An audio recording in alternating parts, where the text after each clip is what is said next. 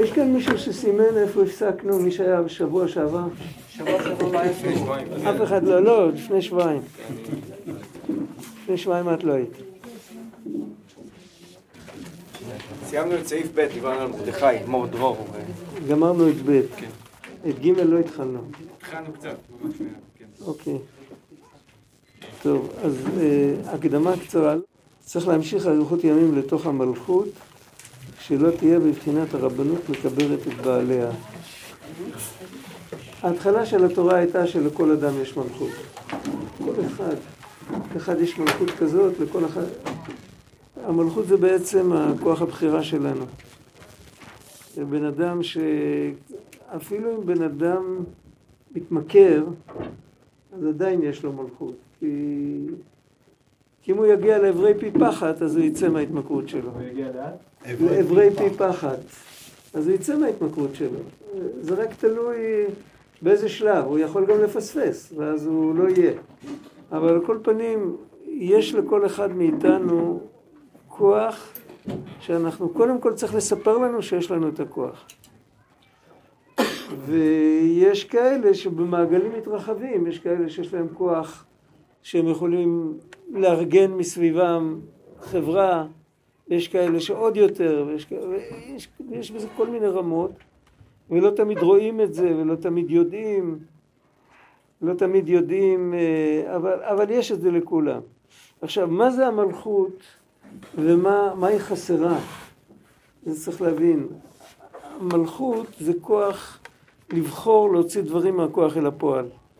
מצד שני, המלכות חייבת לתרגם בעצם את כל הנפש לממד של עשייה, לממד של העולם שמסביב.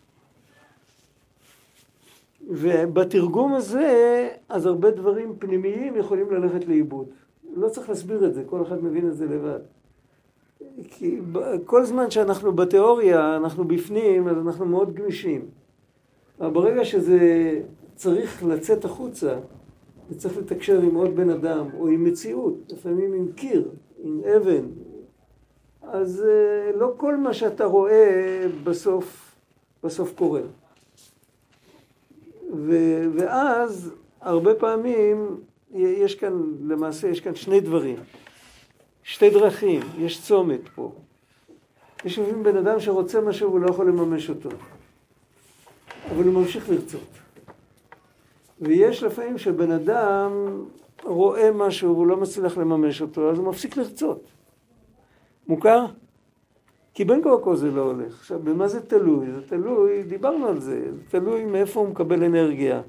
אם הבן אדם מקבל אנרגיה מההצלחות, בצורה רטרואקטיבית. היות שאני אצליח, אז יש לי עכשיו כוח להשקיע. זה ברור? אם אני רואה שאני מנסה וזה לא הולך, אני יודע שהצלחה לא מחכה לי בקצה, אז אין לי כוח להשקיע. ואז אם אין לי כוח להשקיע, אז למה לי לרצות? אז אני מוותר על הרצון, אני מוותר על החלומות שלי, זה נקרא שאני פרגמט, נכון? ככה זה, זה ככה העולם מתנהג. ויש אנשים הוזים, הזויים, שהם ממשיכים, הם אומרים ככה, אני לא מצליח. האנרגיה שלי לא באה מזה שאני כן מצליח או לא מצליח. אני בן ישראל, ויש לי תרי"ג מצוות, יש לי שליחות, השליחות שלי זה להאיר את כל העולם כולו. אם אני לא אצליח בגלגול הזה, אולי אני אצליח בגלגול הבא, ואם אני לא אצליח בכל הגלגולים, אז אולי בזכות המאמץ שאני עושה, מישהו יותר מוכשר כן יצליח. אני לא, אני לא מקבל את האנרגיה שלי מזה שאני מצליח, זה ברור? אני מקבל את האנרגיה שלי מזה שאני שליח, מזה ששלחו אותי ואני רוצה לקיים את מה שאמרו לי לעשות. זה היה האנרגיה של אברהם אבינו. איפה שהוא הלך, הוא נתקע, הוא לא כל כך הצליח. בסוף הוא הצליח מאוד, אבל בהתחלה הוא לא הצליח. כיבדו אותו, אמרו לו נשיא אלוהים אתה בתוכנו, בסוף לקחו ממנו את המחיר הכי גבוה שאפשר. ו- ולא רק מחיר מופקע. של כסף, מחיר מופקע, רק גם כל ההתנהלות שלו, והוא היה מצידו, הוא הלך להילחם וירדוף אחריהם אחרי עד דן בשביל להציל את האחיין שבגד בו. שהלך לגור עם אנשי סדום. תודה הוא לא יקבל מאף אחד, וכשרצו לתת לו משהו אז הוא החזיר את הכל. הוא אמר, מחוט ועד צרוכנה, לא אקח ממך. זוכרים את הפרשיות האלה. אז מה היה, מה היה המוטיבציה שלו? המוטיבציה שלו היה לך לך. ויאמר אלוקים אל אברהם, לך לך מארצך ומולדתך מבית אביך אל הארץ אשר הרקע. וזה היה השליחות שלו, והוא הלך, שם אוהל במדבר, וסיפר לאנשים שיש אלוקים ושצריך להגיד לו תודה על האוכל שהם מקבלים. זה, זה אנרגיה אחרת. ו, ולכן אפשר ב, בסיפור כזה, אפשר להיכשל עד אין קץ ולא לאבד את הרצון. כי הרצון לא ניזון מה, מההצלחה, הוא ניזון מהשליחות. ואם מסתכלים יותר עמוק, השתי האנרגיות האלה באות משני מקומות, יש לנו בתחילת התנ"ך את הסיפור של חטאו של אדם הראשון, יש לנו את התודעה שלו לפני החטא, התודעה שלו אחרי החטא. התודעה שלו לפני החטא יוצרת, אה, יוצרת אה, אנרגיה של אברהם אבינו, של שליחות, של... הוא לא חושב על עצמו. והסיפור של הפיתוי של הנחש זה... ולכן הוא גם מקבל בענווה, אומרים לו, יש, יש עץ אחד שאתה לא נוגע בו, בסדר, יש לו מספיק עצים. אני לא צריך שכל העולם יהיה שלי. אין לו את, ה, אין לו את הג'וק הזה. ואחרי שהוא שומע בקול הנחש, אז הוא כבר, הוא כבר לא רגוע, הוא צריך, הוא חייב את ההצלחה, זה ברור, הוא חייב, ואם לא, אז איך כתוב שם, זה גם פסוק בבראשית, אם כן, למה זה אנוכי? איפה זה כתוב? אצל רבקה, והתרוצצו הבנים בקרבה, והיה לה קשה ההיריון, אז היא אומרת, אם כן, למה זה אנוכי? זה לא כדאי, אם זה כל כך קשה, זה לא, זאת אומרת, אם זה לא הולך חלק, אז, אז עושים אחורה פנה, לא צריך את כל הסיפור. עושים פרסה ובורחים. עכשיו, מה ההבדל בין שני הדברים האלה? איפה פגם, איפה פגם הנחש עם, עם, עם חווה, עם אדם, עם כולם שם, בדעת? אומרת, בעצם יש לנו כוח של דעת שהאפיון המרכזי שלו זה חיבור. החיבור הזה יכול להיות חיבור אופקי ויכול להיות חיבור אנכי. יכול להיות חיבור עם עוד בני אדם, כן? עם בן אדם שחי ב, כאילו בסרט אחר לגמרי. זה, זה חיבור אחד. וידע אדם את חווה אשתו. אנחנו יודעים שגברים ונשים זה שני עולמות. ויש חיבור. הדעת נותן את החיבור. בן אדם חסר דעת, אין לו חיבור, הוא יכול להתחבר אולי בקושי עם האח התאום שלו. בתנאי שהם גדלו באותה תרבות והם נחשפו לאותם גירויים כל החיים. היכולת של הדעת היא להתחבר גם עם השונה וגם עם הגבוה ועם הנמוך יותר. עכשיו, ולמה זה? כי הדעת היא נמצאת בקבלה, היא נמצאת מתחת לכתר. יש לנו שלוש ספירות בצד ימין, שזה חוכמה, חסד, נצח. יש שלוש ספירות בצד שמאל, שזה בינה, גבורה, הוד. ובקו האמצעי יש לנו, הוא הקו הכי ארוך, הוא יורד הכי למטה והוא עולה הכי למעלה. יש לנו את הכתר ואת הדעת, שהם בעצם מחליפים אחד את השני, לא סופרים אותם יחד. או שזה מופיע בצורת כתר או שזה מופיע בצורת דעת, ומשם זה הולך לתפארת וליסוד ולמלכות. והדעת הוא באמצע של הקו האמצעי. והוא נותן לנו את האפשרות להתחבר להכי גבוה והכי נמוך. מה זה אומר? זה אומר, מבחינה פרקטית, זה אומר שלפעמים אנחנו במקום נמוך, במקום הזה אנחנו תמיד נופלים לתאוות שלנו ול... כל מיני מקומות לא, לא טובים, אנחנו במקום נמוך, במקום הנמוך הזה כל גפשושית נראית לנו הר. למה? כי זה ליד העין שלנו, אנחנו כל כך, כשאנחנו יורדים נמוך, כשאנחנו עולים יותר גבוה, הכל נראה מלמעלה כמו קופסאות גפורים. אנחנו מכירים את זה. עכשיו, היכולת שלנו להתחבר גם מתי שאנחנו למטה, להתחבר למקום הכי גבוה שיכול להיות, זה הכוח של הדעת. עכשיו צריך לעשות, צריך לחשוב איך עושים את זה. מה המעלה של להתחבר למקום הכי גבוה? לכאורה זה לא המקום שלנו, בשביל מה צריך להתחבר לשם? המעלה של זה כי במקום הגבוה הכל אחד. במקום הגבוה הכל אחד, גם ההבדלים האופקיים נעלמים, השוני נעלם וגם המדרגות נעלמות. גם זה שיש מישהו שהוא מאוד מאוד קדוש וצדיק ומפותח ואני לא יודע מה להגיד עליו. ויש אחד שהוא מאוד מאוד למטה וכל דבר מפיל אותו וכל זה. בשורש הכל אחד. בהתפשטות, בפריפריה, כל דבר הוא עולם בפני עצמו. בשורש הכל אחד. אם אנחנו יודעים להתחבר לשורש, אנחנו מקבלים ללב שלנו את העובדה שלמרות כל ההבדלים ולמרות כל המקום הנמוך שבו אנחנו נמצאים ואנחנו שונאים ופוחדים, שזה בעצם שני צדדים של אותו מטבע, וכל דבר מפריע לנו וכל זה, למרות כל זה אנחנו גם יכולים להאמין לפחות שבשורש הכל אחד ושכל ההפחדות וכל הדברים האלה הם, הם זה כאילו, זה קצף, זה, זה דבר שמתפוגג בסוף, זה לא דבר אמיתי. זה, זה, זה הכוח של הדעת. זה בינה, לא? זה בינה אמרת? כן, הדינים שמומתקים לשורשם זה על ידי הבינה.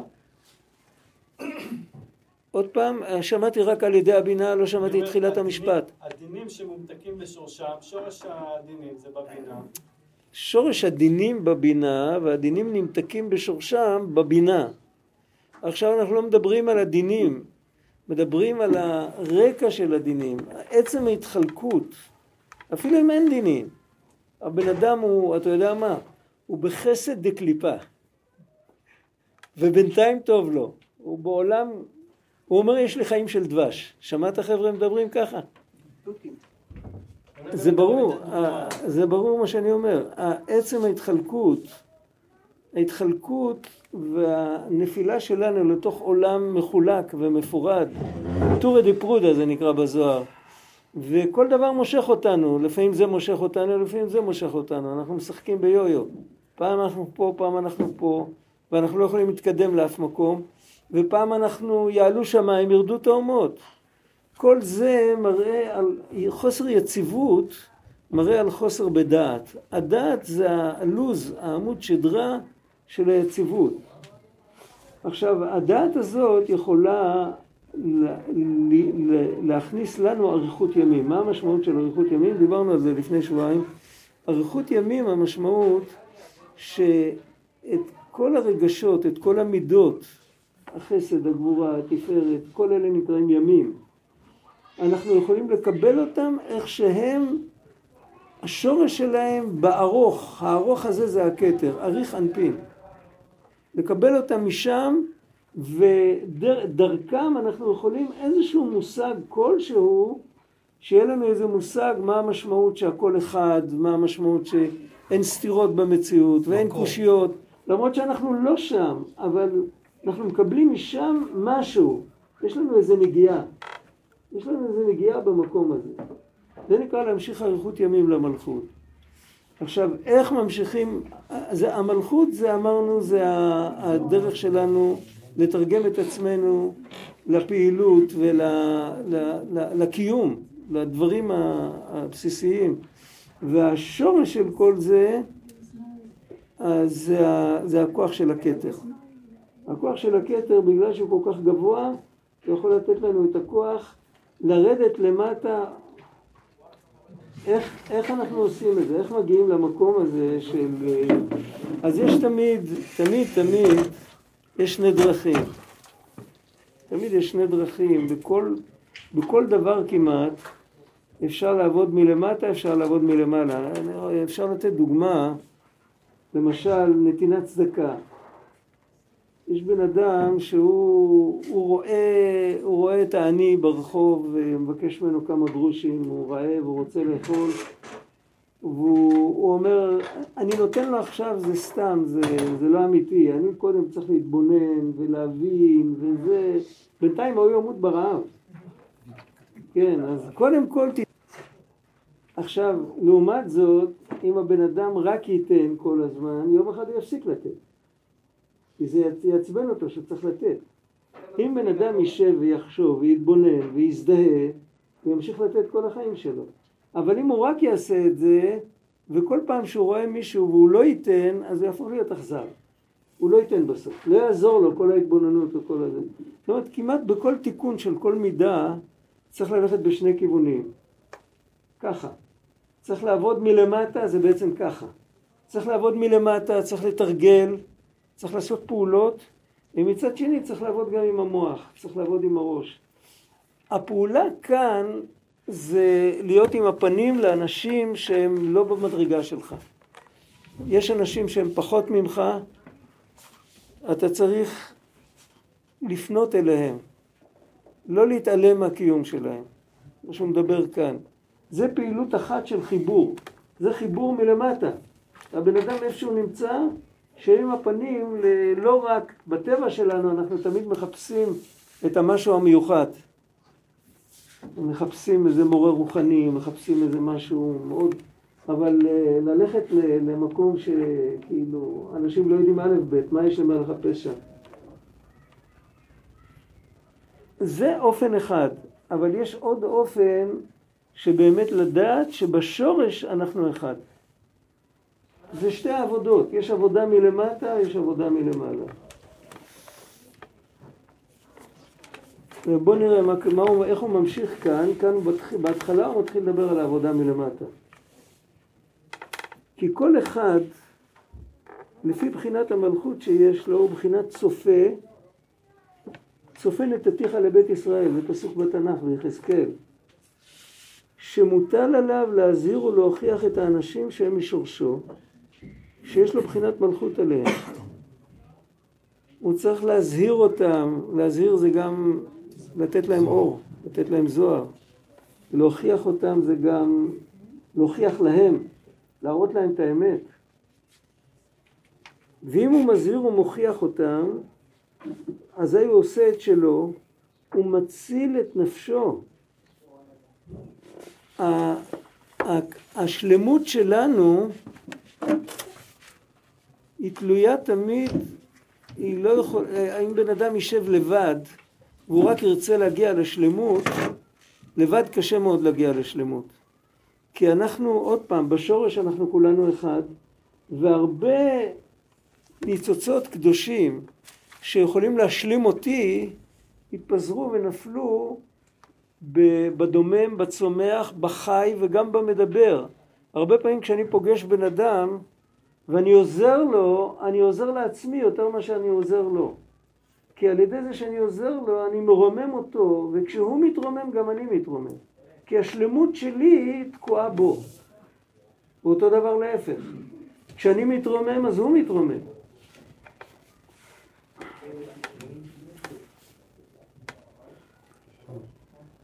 כמו שנאמר, צופן את עתיך לבית ישראל, ואתה כי הזהרת רשע ולא שב מרשעו, אתה רואה רשע, אתה בורח.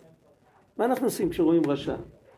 יש המון רוע בעולם, לא כולם נחשפים אליו.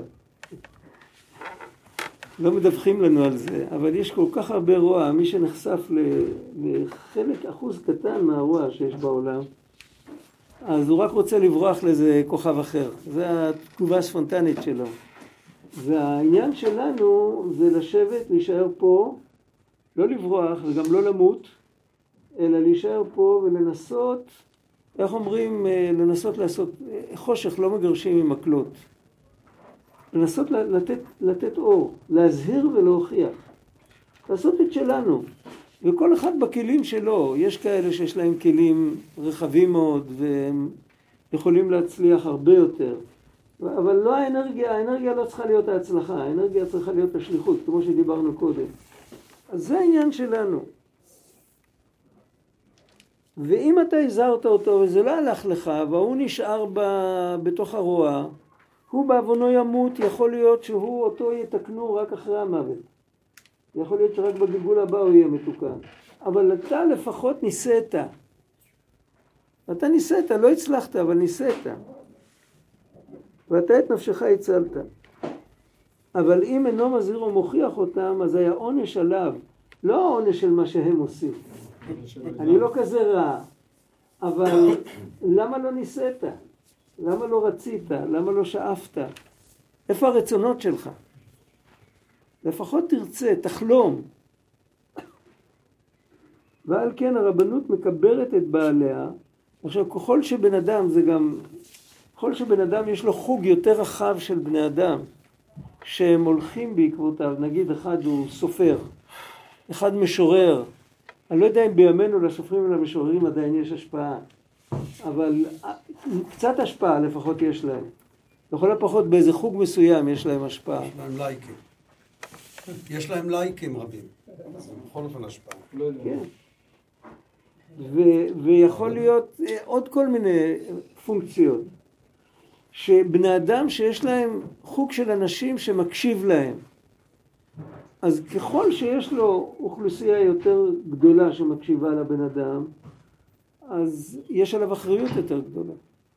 ואם הוא רק רוצה לקבל ולא לתת, זאת אומרת, אה, איך היו אומרים פעם, מדבר סקר תרחק.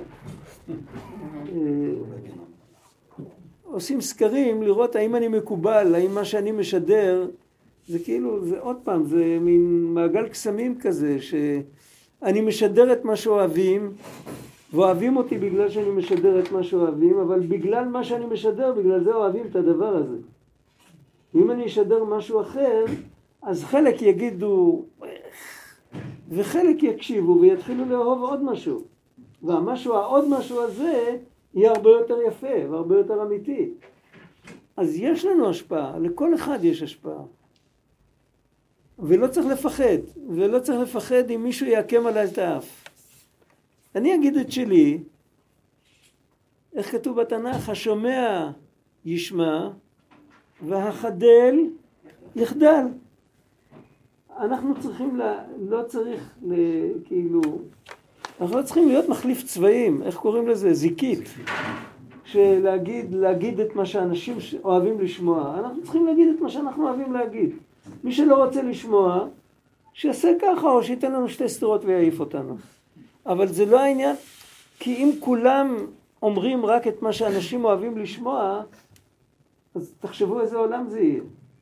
ואנשים, ואיך אני יודע מה אנשים אוהבים לשמוע? זה עולם, מישהו אמר פעם, היה יהודי מאוד חכם, שאמר שתרבות כזאת זה כמו יצור שיש לו רק זנבות ואין לו ראש. כל אחד עושה מה שכולם, אבל כל אחד עושה מה שכולם. לא שהולכים אחרי מישהו. כל אחד עושה מה שכולם. אין ראש, כולם זנב. ואנחנו אומרים תהיה לראש ולא לזנב. תהיה אפילו ראש של שועלים ואל תהיה זנב לאריות. אבל תהיה תמיד ראש.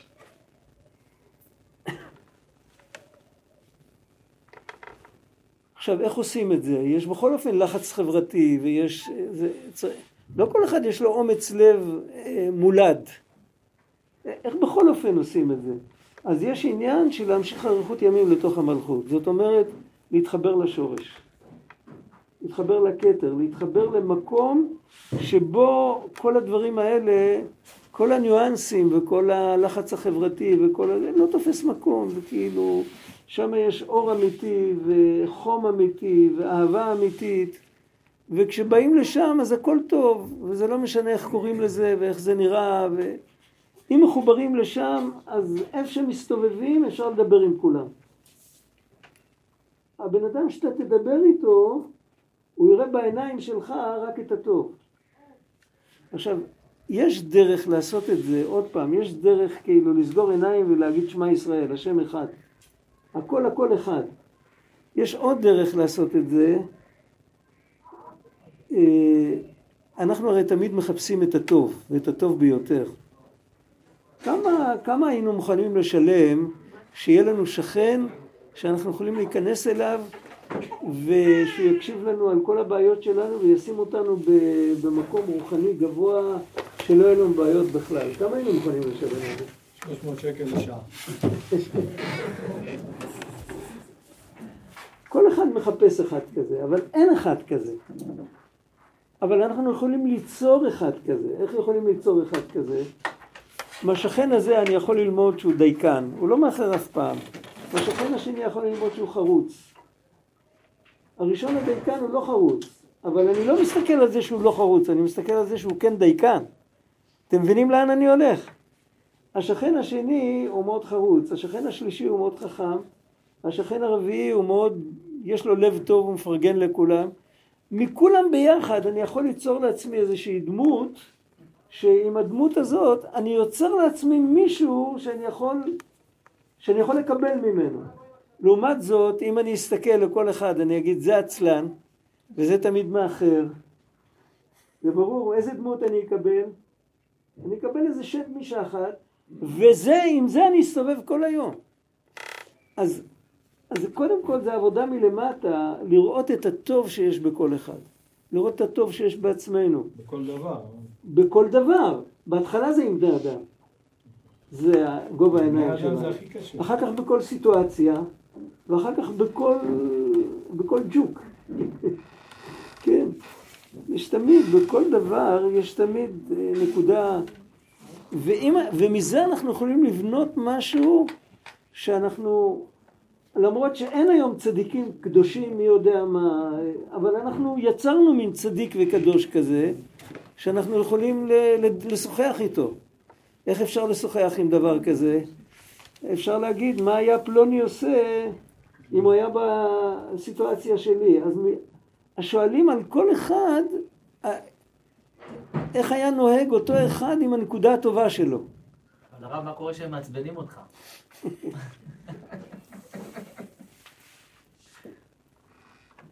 תראה, ברגע שהבן אדם עצבני, אז אה, אי אפשר לדבר איתו. כל העבודה הזה נעשה, זה לקבל מוחין דגדלות, שה, שהבן אדם ממול לא יוכל לעצבן אותי. זה ברור? וזה לימוד, זה צריך ללמוד. זה צריך ללמוד. מה זה המנגנון הזה של, אה, של כעס, של... צריך לדבר על זה, אבל בוא, בוא לא נשבור עכשיו את הרצף, בסדר? תזכיר לי פעם אחרת.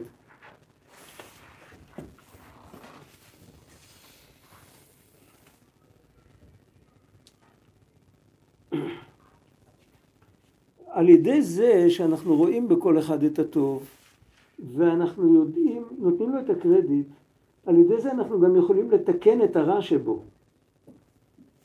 זה בעצם הנקודה שהוא אומר כאן בהמשך. הרי בכל אופן אי אפשר להתעלם מזה, אותו, אותו דייקן הוא עצלן. מצד אחד הוא דייקן, מצד אחד הוא עצלן.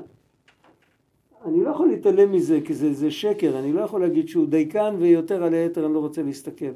אבל אם אני מתרכז בטוב שבו, אז אני הופך אותו לטוב, ואז יותר קל לו לתקן את החלקים שהוא לא, שהוא לא יכול לתקן עד עכשיו.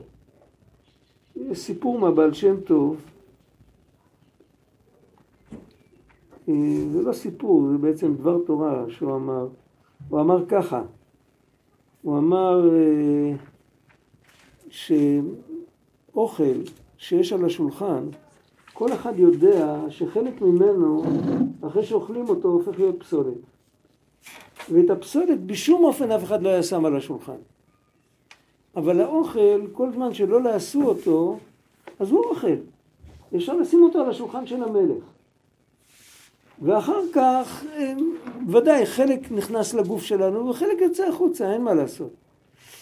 אותו דבר הוא אומר, כשמסתכלים על חבר, אתה רואה בו, אם אתה תסתכל על, על, עליו כמו שאתה מסתכל על אוכל, אתה יודע שבסוף יש משהו לא טוב, אבל סך הכל זה אוכל, סך הכל זה דבר יקר, דבר שאנשים עובדים כל החיים שלהם בשביל להשיג אותו. תסתכל על הכלליות. אם אתה מסתכל על הכלל, אז אתה, אתה, אתה, אתה מפרגן לו איזה הערכה כלשהי. אתה לומד להעריך אותו. מהנקודה הזאת שאתה לומד להעריך אותו, אתה יכול לקדם אותו. אבל אם אתה רק מזלזל בו, אתה לא יכול לעשות איתו כלום. זאת אומרת שאפילו אם רוצים לתת סטירת לחי למישהו, הוא לא מדבר באופן פיזי, אלא באופן מנטלי, לפעמים מישהו צריך לחטוף סטירת לחי. לפעמים צריך להגיד למישהו עם קול נוקב, אתה לא צודק, ואל תתנהג ככה, ואסור ככה, אסור לעשות את זה מה שאתה עושה. אבל זה צריך לבוא מלב אוהב. זה ברור, מלב מעריך. אם זה בא מלב מזלזל, זה לא נקלט. זאת אומרת, הבן אדם כשמסתכל לנו בעיניים, הוא צריך לראות שאנחנו איתו, שאנחנו מתפעמים ממנו, אנחנו לא, אנחנו לא רוקדים משמחה כשרואים אותו. אם אנחנו מסתכלים למישהו בעיניים ואנחנו, הוא רואה בעיניים שלנו שאנחנו מקבלים אותו, מעריכים אותו, אז הוא, אז הוא יכול לשמוע לנו מה שאנחנו מדברים. אבל איך אפשר להעריך בן אדם כזה רק אם מסתכלים על זה שבשורש אנחנו כולנו אחד. יכול להיות שהוא עושה רק שטויות, אנחנו בכלל לא רואים את הצד הטוב שבו. אבל אם מסתכלים על השורש, כך אמר בעל התניא, אמר לבן שלו, הוא נתן לו, הוא העביר לו קבוצה שהוא ידריך אותה. הוא היה עדיין בחור צעיר, נתן לו קבוצה של אנשים שהם לא היו מי יודע מה. הוא נתן לו קבוצה שידריך אותם. אז הוא אמר לה, על יהודי צריך להסתכל כמו שהוא במחשבה הקדומה של אדם קדמון. זה מושג קבלי שהמשמעות שלו, הכתר של, זה נקרא בלשון של הבעל שם טוב, כתר כל הכתרים. אשרי העם שככה לו, ככה זה ראשי תיבות כתר כל הכתרים. הכתר הראשון שיש בהשתלשלות זה נקרא אדם קדמון. למה הוא נקרא ככה זה עוד סיפור. ואם אתה תסתכל עליו, איך שהוא נמצא שם, אז אתה תתמלא יראה מפניו. ובעצם השורש הזה נמצא בתוכו גם כשהוא למטה, אלא שהוא נעלם. והתפקיד שלנו זה לגלות את זה. זה לא שזה היה למעלה באיזשהו מקום אחר, זה לא כמו עץ פה והשורש שם. השורש זה עניין רוחני, השורש נמצא באותו מקום שהבן אדם. ורק השורש כל כך נעלם, שאנחנו מייחסים אותו למשהו נעלם לגמרי. אבל אם אתה יודע, אתה נחוש, אתה יודע שהשורש נמצא פה, אתה לא מוותר, אז, אז אתה יכול לגלות ממנו, אתה יכול לדלות ממנו דברים נפלאים.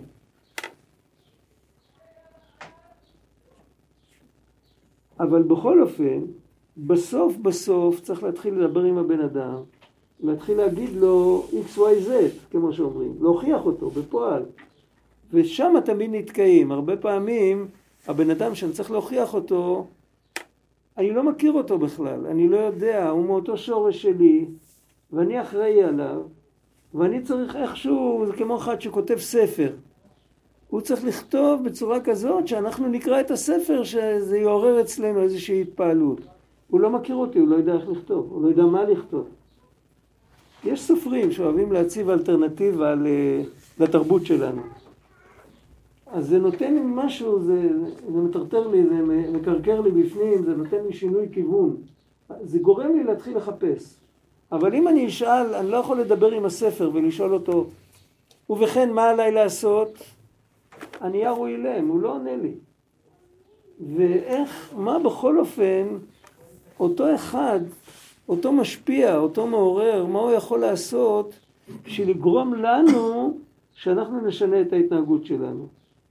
אז מה שרבנו אומר כאן, הוא אומר, הוא, צריך, הוא לא צריך לשכוח את עצמו. אם הוא ילמד הרבה תורה, אז התורה שהוא לומד תדבר אלינו, כי אנחנו גם נפגוש את הרעיונות האלה בסוף. הוא צריך ללמוד הרבה תורה. חוץ מזה שהבן אדם משפיע וכותב ומנגן והופך את העולם, הוא צריך לשבת בחדר שלו, בתוך הדלת אמות שלו, וללמוד הרבה תורה. על זה הוא כותב כך, אז איך אפשר לו להזהיר ולהוכיח אותם? כי אינו יודע מה שצריך להם, וגם אינם אצלו להוכיח אותם. הוא גם לא יודע מה חסר להם, אז הוא לא יכול לכתוב את זה. ולפעמים צריך לדבר עם בן אדם אישית, והם לא אצלו, לפעמים הבן אדם שאתה אחראי עליו, הוא עכשיו ביבשת אחרת. מה עושים עם זה? ולבוא לדעת הזאת הוא גם כן על ידי אריכות ימים בעצמו. כאן הוא כבר מדבר שאריכות ימים הזאת זה התורה. וזה שאומרים העולם שאינו יודע מחייו. יש ביטוי כזה, כן? הוא לא יודע מהחיים שלו. מה זה פירוש שהוא לא יודע מהחיים שלו? כי עיקר הידיעה הוא מחיים מאריכות ימים. החיים האמיתיים הם חיים אינסופיים. בפועל אנחנו כולנו, כמו נגיד, כמו שאפשר אפשר לומר את זה, אפשר לומר על זה דוגמה, הים, הים נקרא בתלמוד מים שאין לו סוף. יש לו סוף, אבל זה כאילו, אתה לא רואה את הסוף שלו. כשאתה מסתכל על הים, אתה עומד ליד החוף, מה אתה רואה? גלים. מה אורך החיים של גל? עשר שניות. פלוס מינוס. כשהגל מתנפץ, מגיע מיד אחריו גל אחר. אבל בעצם החיים האמיתיים הם לא משולים לגלים. כל אחד מאיתנו, אני גל, אתה גל, אבא שלי היה גל בדור שלו, הילדים שלי היו גלים, הנכדים שלי בדור שלהם. הגל הזה יעבור, גל אחר ימשיך, אבל הים הוא אותו ים. החיים הם אחדותיים והם אינסופיים. השם אלוקים אמת הוא אלוקים חיים ומלך עולם. כך כתוב בירמיהו. באותו פרק עצמו ירמיהו שם כאנטיתזה את, את עובדי האלילים. שכל אחד מתפעל מאיזה כוח והופך אותו לאלוהים ומעריץ אותו וכל אידאה זה, זה אל וכל זה ואז כנגדם הוא אומר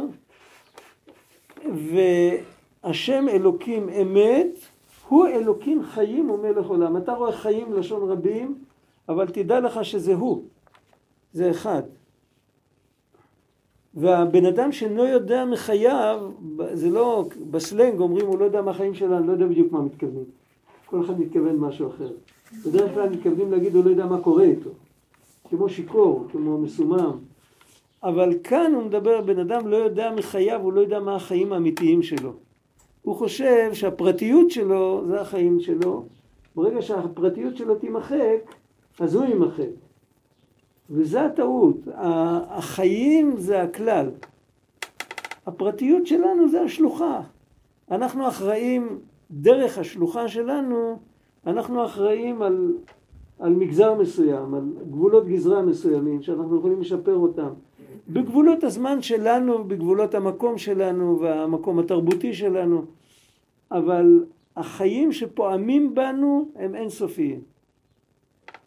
ואם בן אדם יודע מזה, אז זה יכול להיות רק אם הוא יישב וילמד תורה. אחרת הוא לא יכול להתחבר לזה, כי יכול, אפשר להתחבר לזה עם איזושהי חשיבה או משהו כזה, או התבוננות, אבל זה תמיד נשאר במקום למעלה. ועל זה הוא מדבר בהמשך, הוא מסביר, הוא אומר משהו כזה, אני אגיד את זה קודם בעל פה, יהיה לנו יותר קל להבין את זה. בתורה יש סוג של דעת שמחבר קצוות. מצד אחד התורה היא אלוקית, היא אינסופית, היא לא הגות אנושית, היא הגות אלוקית. מצד שני הצורה איך שהיא, ובכל עולם לומדים את התורה בסגנון של, ה... בסגנון של אותו עולם. בעולם האצילות זה תורה, התורה נראית אחרת. בעולם הבריאה היא נראית עוד פעם אחרת. בעולם שלנו היא נראית ככה. איך שהיא נראית בעולמות, אפילו בעולם יותר גבוה, וכל שכן איך שהיא נראית בעולם שלנו, אז היא מרובת פרטים. בתורה יש המון פרטים. כל סיפור, יש לפעמים סיפור שחוזר על עצמו כמה פעמים. שמתם לב? הנשיאים הקריבו אה, את חנוכת המשכן במדבר, הם הקריבו קטורת וזה, ו, ו...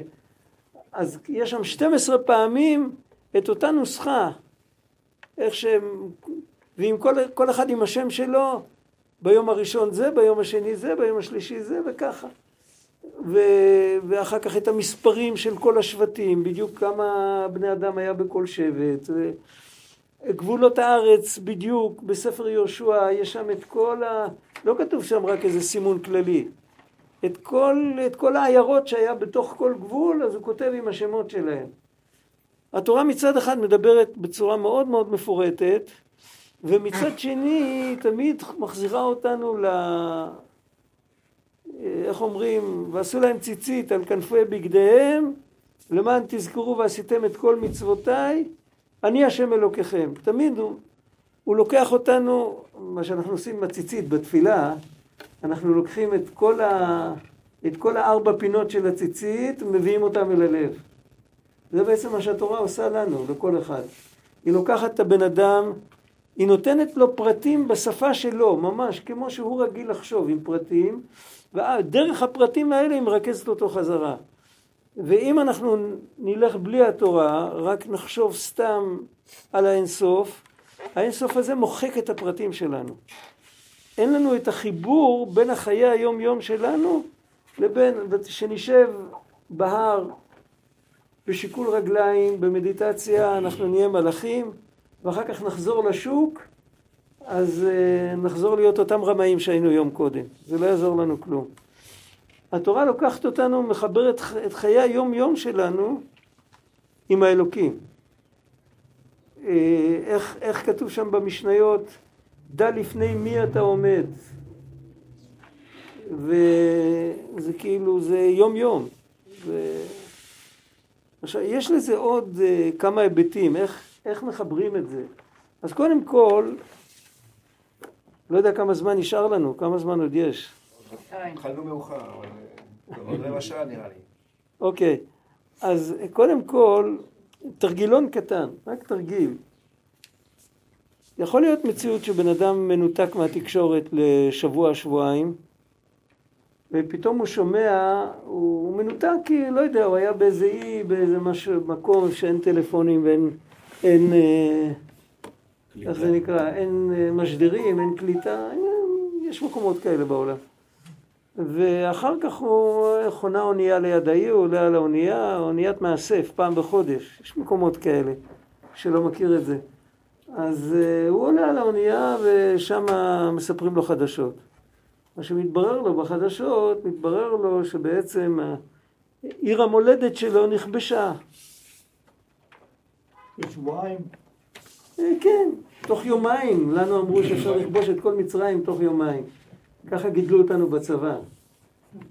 בסוף אה, כבשו את כל סיני בכמה שעות. זה פי שלוש יותר גדול מכל המדינה שלנו, יש לנו מדינונת.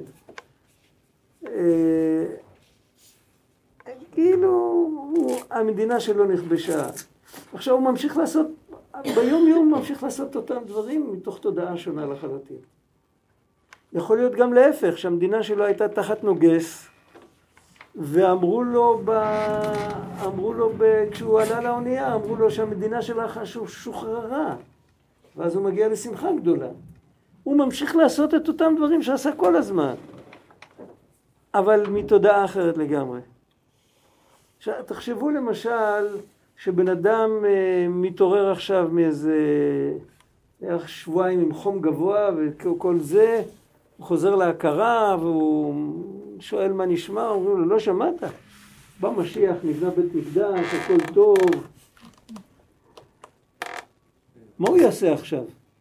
הוא יקום בבוקר, יגיד מודה אני, הוא יברך ברכות השחר, הוא יתפלל, הוא ילך לעבודה שלו, הוא ייקח איתו סנדוויץ', הוא יעשה בדיוק מה שעושים עכשיו. מה ישתנה אצלו? התודעה, הרוגע, היישוב הדעת. הוא לא ישתנה שום דבר, הוא... החולצה תישאר אותה חולצה, הוא לא יקנה בגד חדש. אז מה התרגיל? מה? אז מה התרגיל? אמרת ש... לא, עכשיו ככה, זה... עכשיו, אם בן אדם עושה לעצמו תרגיל כזה, הוא אומר, היום, אני קם היום בבוקר ואני, ואני הולך לעבודה וכל זה, אבל אני יודע שכבר הגאולה הגיעה. אני עושה אותו, גם אם הגאולה תגיע, הרי אני אעשה את אותו דבר. ואז הוא מתחיל להסתכל אל תוך התודעה שלו ולבדוק מה עובר כשהוא בתוך תרגיל כזה. איך הוא מתייחס? איך הוא מתייחס, איך אמרת, למי שמעצבן אותו, איך הוא מתייחס לכל מה שאנשים מדברים, האנשים פשוט לא מודעים לזה, הוא כבר, הוא יודע את האמת והם עוד לא שמעו על זה. הוא שומע מה מדברים, והוא שומע זה, והוא יושב, הוא כאילו... בסדר, הוא מרחם עליהם קצת, אבל זה לא מטריד אותו יותר. הוא נמצא במקום אחר. זה סוג של להתחבר מתוך הפרטים, מתוך היום יום להתחבר לנקודה יותר גבוהה. זה סך הכל תרגיל, זה, זה לא שווה הרבה. כן, אנחנו יודעים שזה תרגיל, לא... אבל יהודי כשהוא לומד תורה, בעצם זה מה שהוא עושה. הוא עכשיו, איך כתוב, איך חז"ל אמרו, כל היושב ושונה, הקדוש ברוך הוא יושב ושונה כנגדו. אתה לומד משנה, הקדוש ברוך הוא יושב ולומד איתך. אתה עושה איתו חברותה. פלא גדול. אם נכנסים אל הלימוד עם תודעה כזאת, אז הפרטים הם רק בשביל גובה העיניים שלנו, בשביל ה... כאילו בשביל שנתפוס, אבל העיקר זה הנקודה של ההתחברות, של החיבור. ואם בן אדם עושה את זה, אז הוא, מהמקום הזה הוא יכול גם להתחבר עם כל בן אדם אחר. אדם שבאמת לומד תורה, אדם שלומד תורה מקבל גאווה מזה, אז הוא לא יכול להתחבר עם אף אחד. כי הוא לא לומד תורה עם חיבור לאלוקים, הוא לומד תורה עם חיבור לעצמו. אבל אם לומדים תורה עם חיבור לאלוקים, אז כל, ה... כל, ה... כל האישיות הופכת להיות יותר שקופה ויותר עדינה ויותר... זה אחרת לגמרי. כל אחד יכול לנסות את זה, כל אחד מה שהוא יודע ללמוד. ללמוד כמו להתפלל.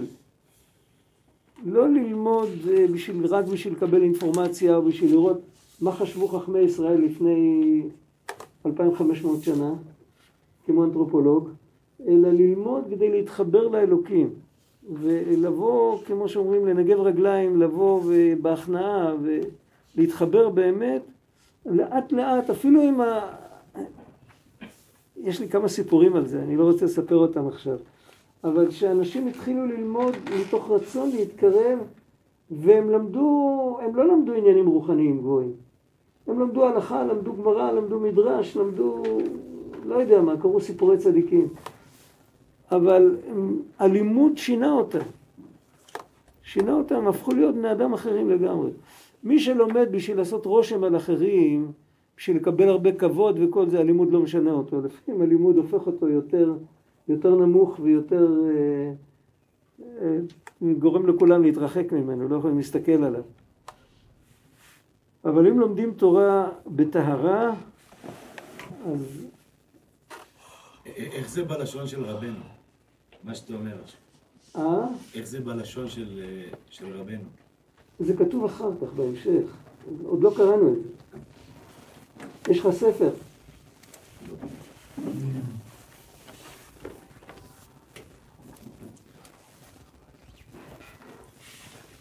כי לבוא לאריכות ימים, הנה כאן זה כתוב, כאן הוא מתחיל להסביר את זה. כי לבוא לאריכות ימים הוא על ידי עסק התורה. עכשיו הוא מתאר את שני הקצוות האלה שדיברנו, שיש קצה עליון בתורה ויש את הקצה עם כל הפרטים. אז הקצה העליון זה כי אורייתא שמע דקודשא בריחו. התורה זה שמו של הקדוש ברוך הוא. וכמו שצריכים לקרות את אחד, קוראים אותו בשמו, כן, כשצריכים לקרות את חיי החיים, כדי להמשיך ממנו חיים ואריכות ימים, צריך לקרוא אותו בשמו כביכול. מה יהיה אם אני קורא למישהו, אבל אני לא קורא לו בשמו? אני קורא לו, וגם אין לי גם מה להגיד, אני קורא לו כי אני, אני פשוט רוצה, אני רוצה קשר איתו, אבל אני לא פונה אליו, ואני לא פונה אליו בצורה כזאת שזה יעבור דרך, מה קורה? צריך להבין את זה יותר טוב. אני פונה אליו במחשבה כאילו. אז יש אנשים רגישים שאומרים, אני מרגיש שחשבת עליי. רוב האנשים לא מרגישים מחשבות.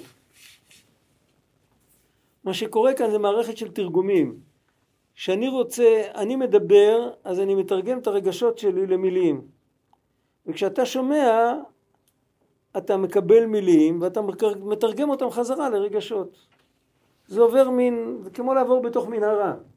זה עובר דרך אמצעי יותר נמוך, ואחר כך צריך לפענח את זה חזרה. עכשיו, אם אנחנו מוותרים על, ה... על המנהרה הזאת, אם אנחנו רוצים רק... אני לא רוצה לדבר איתך, אני רוצה שאתה תרגיש מה שאני מרגיש. אז או שזה יצליח או שזה לא יצליח. אז לכן, כשאני רוצה לקרוא מישהו, ואני רוצה שבאמת הוא ישמע לי, אני חייב להפוך את הרצון הזה למילה, והמילה הזה, המילה הזאת זה השם שלו. למה דווקא השם שלו? כי לשם של האדם יש משמעות מאוד עמוקה לגבי עצמו. ובן אדם ישן, אם קוראים לו בשמו, הוא מתעורר יותר מהר מאשר אם סתם יעשו רעש. זה דבר ידוע. לשם יש משמעות.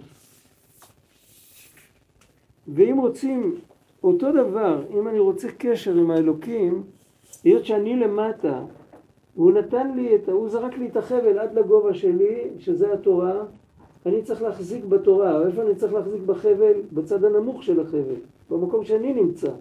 ועל ידי זה אני, אני יכול להתעלות. אבל אם החבל ייפסק באיזה גובה שאני לא יכול להגיע אליו, החבל לא יעזור לי.